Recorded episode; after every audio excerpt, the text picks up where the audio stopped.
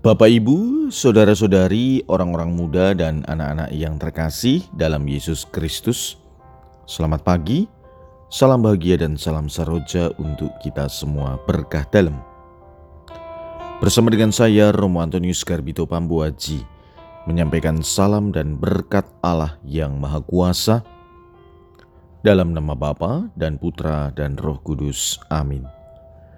Hari ini Selasa 5 Juli dalam hari biasa pekan biasa ke-14. Bacaan pertama dalam liturgi hari ini diambil dari nubuat Hosea, bab 8 ayat 4 sampai dengan 7, dilanjutkan 11 sampai dengan 13. Bacaan Injil diambil dari Injil Matius bab 9 ayat 32 sampai dengan 38. Pada suatu hari dibawalah kepada Yesus seorang bisu yang kerasukan setan. Setelah setan diusir, orang bisu itu dapat berbicara.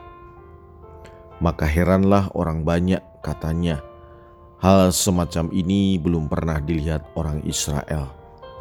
Tetapi orang Farisi berkata, dengan kuasa penghulu setan ia mengusir setan. Demikianlah Yesus berkeliling ke semua kota dan desa. Ia mengajar dalam rumah-rumah ibadat dan mewartakan Injil kerajaan sorga serta melenyapkan segala penyakit dan kelemahan. Melihat orang banyak itu, tergeraklah hati Yesus oleh belas kasihan kepada mereka, karena mereka lelah dan terlantar seperti domba yang tidak bergembala. Maka katanya kepada murid-muridnya, Tuayan memang banyak, tetapi sedikitlah pekerjanya. Karena itu mintalah kepada Tuhan yang empunya tuayan, supaya ia mengirimkan pekerja-pekerja untuk tuayan itu. Demikianlah sabda Tuhan. Terpujilah Kristus.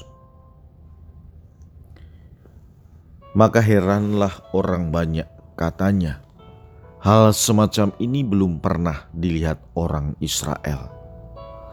Tetapi orang Farisi berkata, dengan kuasa pengulu setan, ia mengusir setan. Reaksi orang-orang Farisi berbeda dengan reaksi orang-orang banyak. Orang banyak yang menyaksikan penyembuhan yang dilakukan oleh Yesus terpesona dan takjub. Mereka mengatakan yang demikian belum pernah dilihat orang di Israel.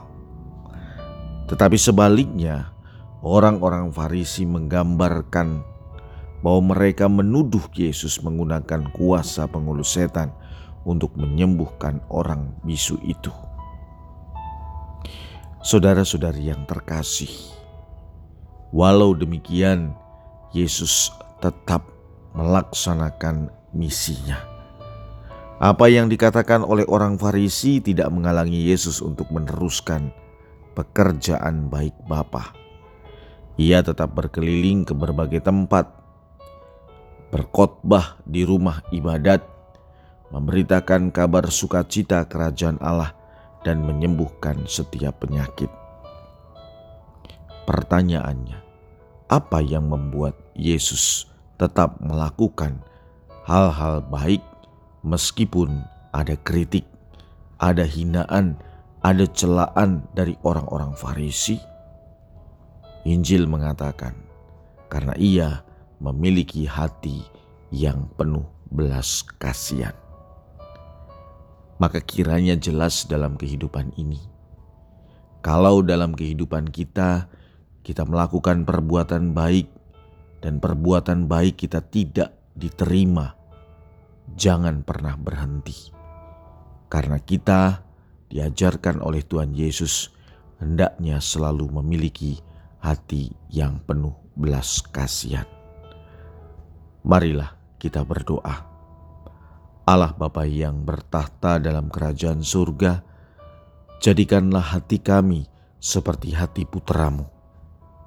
Berkat Allah yang Maha Kuasa, dalam nama Bapa dan Putra dan Roh Kudus. Amin.